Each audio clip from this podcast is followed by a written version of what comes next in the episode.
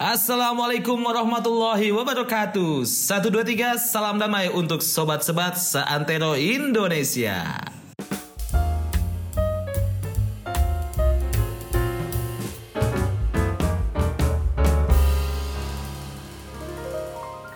Apa kabar teman-teman semuanya? Ah, udah seminggu ini kita diam-diam aja nih di rumah ya. Udah mungkin lebih dari seminggu kali udah diam-diam aja di rumah, nggak boleh ke mana-mana sama pemerintah, nggak boleh keluar ya keluar sih sebatasnya aja, kurangi aktivitas di luar ya. Kita sering di dalam rumah kira-kira ini. Apa kabar teman-teman semuanya? Sambil sebat sih ya nggak apa-apa ya. Sudah seminggu lebih ya kita menjalani di social distancing yang dianjurkan dan diarahkan oleh pemerintah. Ya rasanya sih mau nggak mau harus dilakuin ya. Kadang suntuk juga nggak bisa ke mana-mana, nggak bisa nongkrong, nggak bisa main-main ke rumah temen. Tapi ya mau bagaimana lagi ya kondisi tidak memungkinkan untuk kita melakukan aktivitas di luar rumah. Semoga mereka yang pekerjaannya terancam akibat corona mudah-mudahan juga diberi kemudahan ya.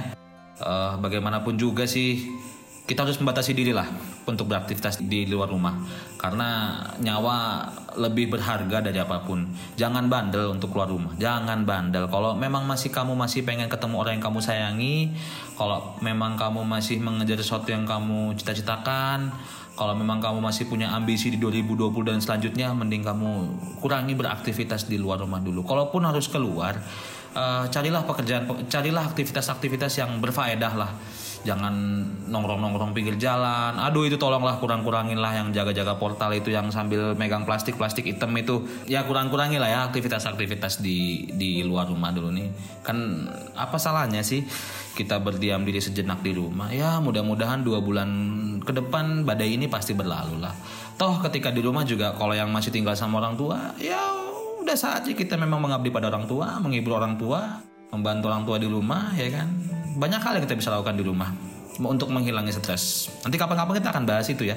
Lima mungkin lima hal untuk untuk apa ya? Lima hal untuk menghilangkan stres di rumah akibat corona.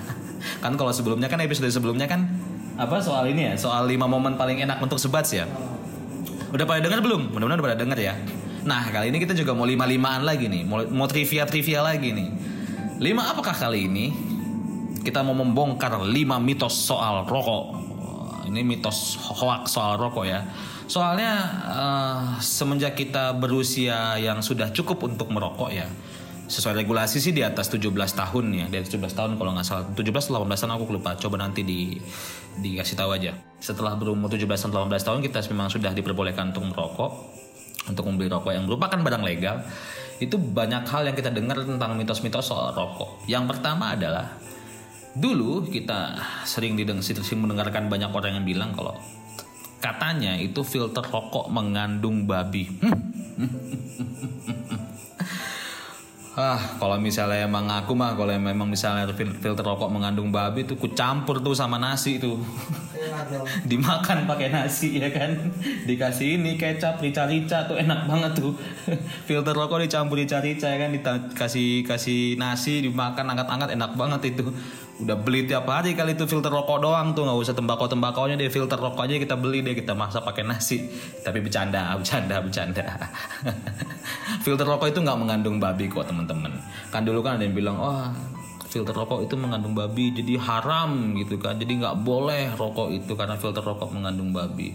Ini jangan-jangan nih mitos ini tuh keluar dari dua dua hal. Yang pertama jangan-jangan keluar dari para anti rokok yang emang nggak suka sama rokok atau atau mitos ini tuh dikeluarkan oleh teman-teman yang memang suka menghisap sigaret ketek tangan alias uh, yang tanpa filter. Jadi waduh jadi ada ini ada sentimen tapi bercanda-bercanda sih.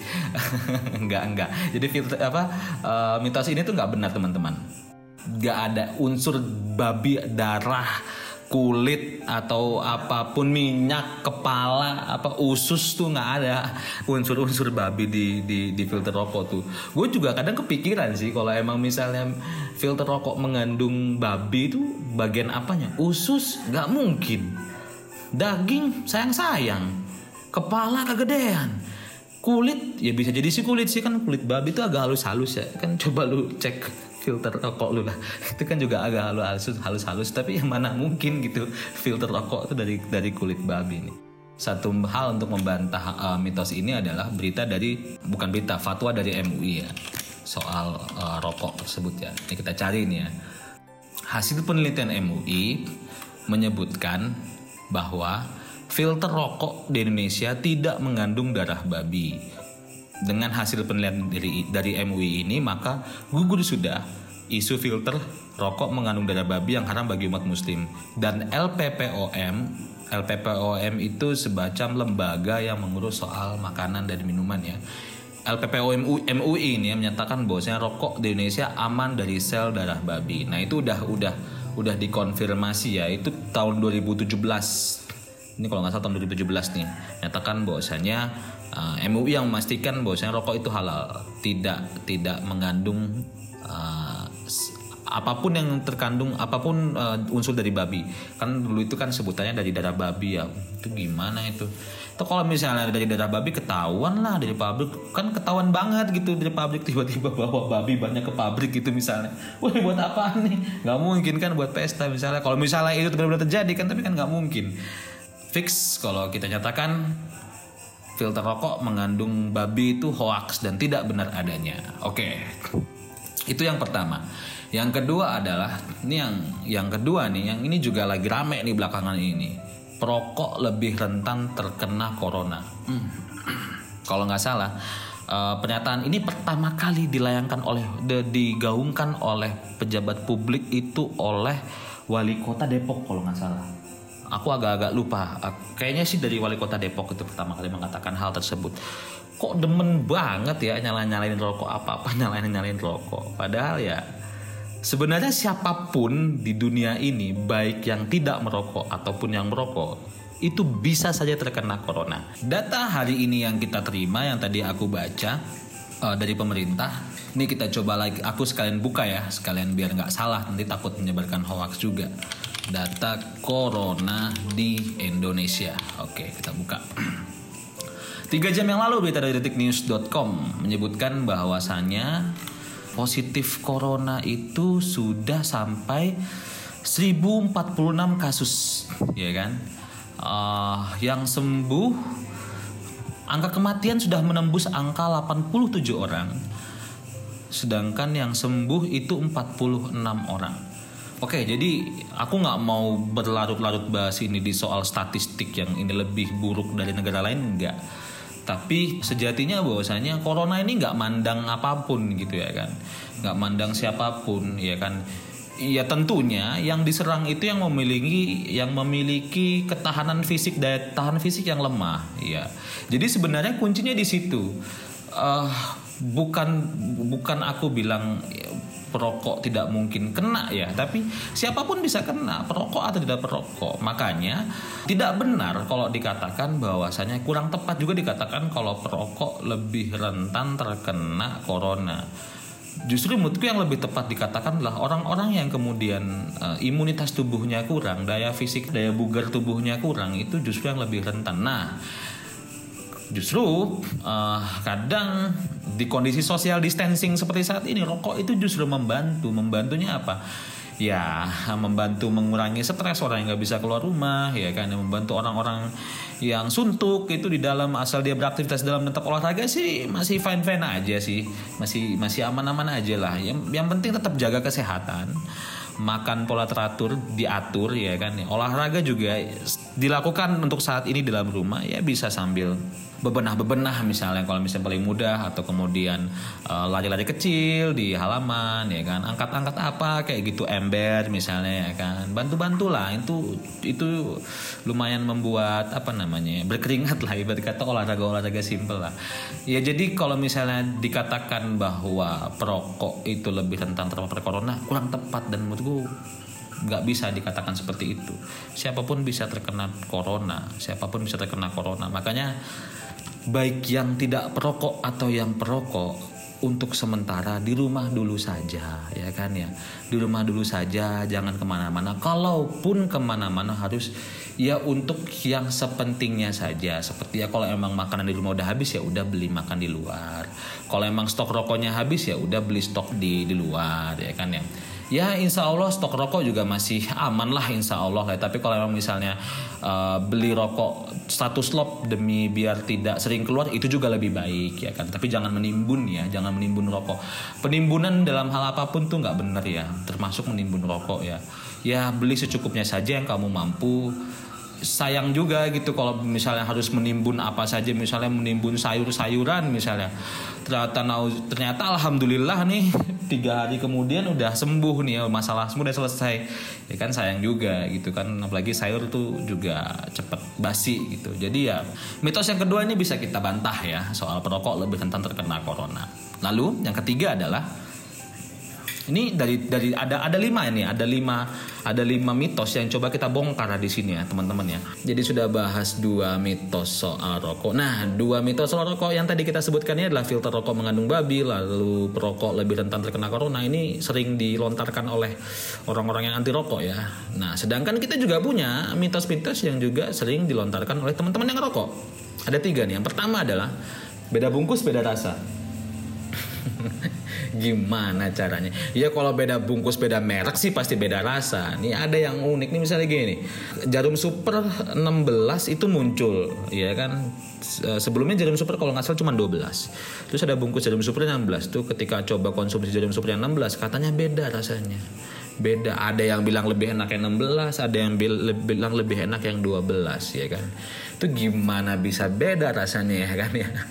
Sedangkan pabrikan pun atau marketing rokok pun juga tidak menyebutkan kalau misalnya ada perbedaan rasa di antara kedua rokok tersebut ya. Ya masa beda bungkus itu beda rasa sih. Ini kan ini kan uh, unik gitu satu merek gitu beda bungkus yang satu isi 16 yang satu isi 12 kecuali kalau emang beda bungkus tuh yang satu jarum 76 yang satunya lagi LA gitu atau yang satu lagi Halim gitu yang atau yang satu lagi sukun ya jelas beda rasanya gitu. Tapi biasanya beda bungkus beda rasa. Ini teman-teman yang konsumsi jarum super yang 16 itu katanya beda rasanya dengan jarum super yang 12 tapi kalau coba ini kayaknya karena temen harga yang 16 itu lebih mahal aja karena uh, kuantitasnya lebih banyak. Jadi ya ngisepnya itu agak agak nggak tenang gitu. Karena lebih banyak lebih mahal mungkin ya. Ngisepnya agak nggak tenang. Jadi rasanya agak berbeda dengan 12 yang mungkin harganya lebih lebih terjangkau lah gitu. Ya kan? Jadi nggak bener ya kalau beda bungkus beda rasa ya? Nah kalau misalnya ngomong mitos soal bungkus rokok dulu juga kita sering denger kalau kita buka salah satu merek bungkus rokok atau atau beberapa rokok deh kalau dibuka itu di bedah itu bungkus rokoknya itu ketemu titik-titik warna yang ada di ujung tuh biasanya itu. Warna putih eh nggak warna putih sih. Warna merah biru kuning. Aku lupa warna apa. Juga empat warna kalau nggak salah. Itu katanya kalau dulu itu uh, filter rokoknya itu kalau kita gosok-gosok di warna itu salah satu warna itu akan berubah rasa rokoknya. Katanya kalau yang warna merah itu agak lebih pedas ya. Terus kalau warna biru itu agak lebih cool ya. Itu juga itu itu dulu banget sih. Generasi tua-tua pasti tahu tuh generasi tua. Aku masih muda loh nggak tua. Generasi generasi dulu itu pasti tahu soal soal mitos-mitos itu. Itu juga nggak benar ya masa karena cuman empat titik warna itu bisa mengubah rasa sih. Atau juga empat titik warna itu sebenarnya ini sih kalau nggak salah itu cuman cuman uh, tanda warna yang semua warna yang ada di bungkus tersebut itu di titik itu jadi kayak misalnya kalau kamu bikin banner itu biasanya ada tuh titik-titik warna itu yang untuk menunjukkan warna apa saja yang ada dalam bungkus tersebut. Jadi bisa dipastikan uh, beda bungkus beda rasa itu kesimpulannya adalah hoax, tidak benar. Selain beda bungkus dan beda rasa, kita babat mitos keempat adalah rokok sigaret kretek tangan atau kretek segala kretek tangan atau kretek tanpa filter ya itu katanya bisa menghilangkan pilek katanya uh, rokok sigaret kretek tangan itu bisa menghilangkan pilek hmm. sebenarnya ini soal sugesti aja ya sebenarnya Iya, nggak juga kemudian kalau ngerokok sigaret ketek tangan tuh semuanya pilek bisa ngilang nggak juga. Ya kita juga harus memahami aturan soal medis lah. Pasti ada ini soal sugesti lah. Tapi kalau misal obat yang umum ya tetap konsumsi obat yang biasa gitu. Uh, kalau memang sugesti kamu ternyata pikiran kamu kan sembuh menyembuh ini kan so soal hal sembuh sembuh ini kan soal suges kadang nih. Kesehatan ini kadang juga soal sugesti pikiran ya. Kalau kita berpikir kita punya sakit ini ini ini ini tuh kadang beneran muncul penyakitnya tuh. Tapi kalau kadang pikiran kita enjoy aja karena pikiran itu kan termasuk stimulus untuk membuat hidup kita jadi sehat kan. Ada istilah yang dulu sebutnya kalau di dalam akal yang sehat terhadap jiwa yang kuat kan gitu atau sebaliknya aku lupa tuh. Tapi saya ada istilah kayak gitu ya berarti kalau misalnya pikiranmu baik-baik aja insya Allah lah eh, baik-baik aja juga. Tapi kalau kemudian sugestimu kemudian ngisap uh, kretek itu bisa ngilangin pilek ini hanya soal sugesti aja teman-teman ya. Bisa jadi benar bisa jadi salah bisa jadi terbukti bisa jadi enggak ya kan kalau misalnya asumsinya ngerokok kretek itu ngilangin pilek sih, kalau menurutku lebih tepat uh, lagi pilek itu emang emang enak ngerokoknya kretek. Itu emang emang emang emang sering terbukti gitu teman-teman kalau lagi misalnya lagi pilek atau kurang enak badan tuh kalau ngerokok kretek itu lebih lebih enak ya kan. Itu itu itu sering sering kali terbukti. Lagi-lagi soal sugesti ini soal sugesti aja. Lalu yang kelima adalah rokok mentol itu menyebabkan mandul. Ayo, ayo, siapa yang suka rokok mentol? Ayo.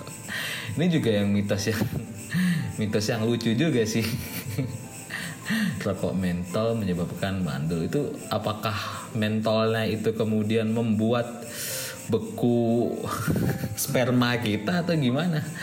Ah, membuat beku sperma kita sehingga mampet dan tidak bisa keluar atau gimana? Atau mentolnya itu membekukan otot-otot di bagian apa intim alat vital pria itu tuh bagaimana itu?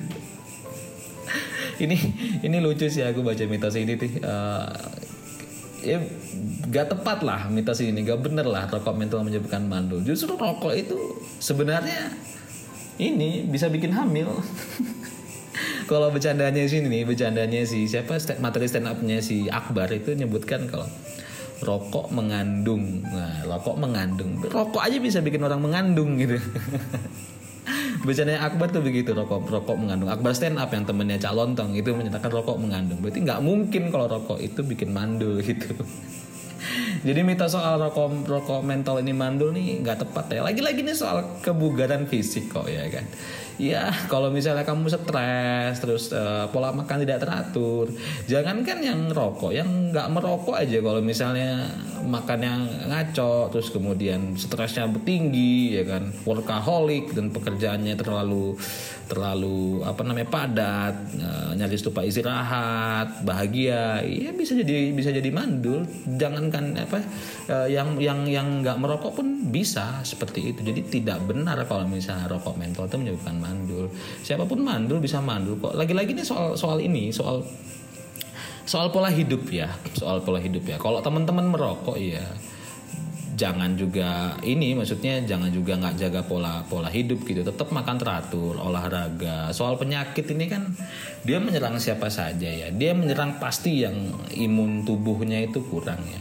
Kalau kita mampu menjaga pola pola pola hidup dengan baik makan bergizi konsumsi bergizi Insya Allah akan aman-aman aja kok Insya Allah akan aman-aman. Pikiran tetap bahagia Yang utama pikiran tetap, pikiran tetap bahagia Karena ya rokok itu dibekali ini, dibekali apa namanya satu bungkus rokok yang membuat dia selalu bahagia. Bagaimanapun juga itu rokok teman-teman kita di kala susah, sahabat paling setia kita di kala kita pusing, begadang nggak bisa tidur ya kan. Misalnya lagi begadang nggak bisa tidur nih itu cukup bikin relax, akhirnya tenang dan tidur. Itu itu itu tidak terbantahkan gitu. Jadi itu ya teman-teman ya kalau uh, mitos kelima itu rokok menyebab rokok mentol itu menyebabkan mandul tidak tepat, ya kan tidak tepat. Ya lucu sih rokok mentol menyebabkan mandul ini.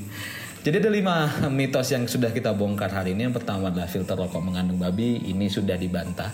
Sudah ada laporan dari MUI yang menyatakan bahwa tidak ada unsur babi dalam rokok, dalam filter rokok lalu perokok lebih rentan corona ini juga tidak berapa uh, kabar yang tidak bertanggung jawab siapa pun itu uh, bisa terkena corona. Dan ini juga uh, Kang Rocky bilang ke teman-teman bahwasanya stop untuk beraktivitas di luar rumah dalam ya stop untuk beraktivitas di luar rumah lah.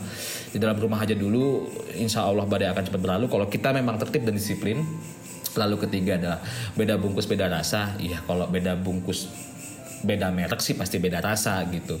Tapi kalau beda bungkus satu merek beda rasa itu aneh gitu. Nggak nggak benar juga. Uh, rokok sigaret ketek tangan tuh hilangkan pilek? Ini lagi soal sugesti ya kan? Ya bisa jadi kemudian kalau sugestimu uh, pikiranmu ternyata menuntun bahwasanya ngerokok ketek bisa menghilangkan pilek bisa jadi benar ya kan? Dan uh, bisa jadi juga enggak gitu soal ini gitu. Dan terakhir rokok mental menyebabkan mandul? Tidak benar. Oke okay? Uh, itu aja teman-teman 5 mitos yang kita bongkar hari ini. Semoga teman-teman tetap sehat selalu di sana. Uh, sekali lagi Kang Rocky ingatkan bahwasanya uh, kita tetap harus jaga diri ya kan, disiplin terutama meskipun kondisi kayak gini olahraga diatur ya kan ya, pola makan juga harus tetap teratur ya kan. Jangan melakukan hal-hal yang bodoh dan konyol. Uh, kurangi dulu nongkrong kalaupun memang misalnya nongkrong video call sambil sebat dulu aja lah kalau kangen sama teman-teman ya kan? Itu cukup membantu dan menghilangkan stres kok. Ada game PUBG, Mobile Legend ya kan? Dota dan segala macam. Sambil sebat sambil main sambil ketemu teman-teman juga kok. Seru-seruan kan? Lagian juga kalau misalnya nongkrong juga pasti main HP juga ngegame juga. Mending untuk sementara jauh-jauh dulu deh. Kan bukannya kalau misalnya semakin lama nggak ketemu itu semakin kangen ya. Pas ketemu wah rasanya semakin mempesona gitu semakin cetar semakin membahagiakan gitu kan. Jaga diri teman-teman. Podcast Rokok Indonesia insya Allah akan hadir setiap uh, setiap seminggu sekali. Jadi uh, mudah-mudahan podcast ini juga bisa membantu mengurangi lah mengurangi stres teman-teman yang lagi menjalani social distancing di sana. Terima kasih. 1 2 3. Salam damai untuk sobat-sobat seantero Indonesia. Assalamualaikum warahmatullahi wabarakatuh. Salam sejahtera, salam damai untuk kita semua.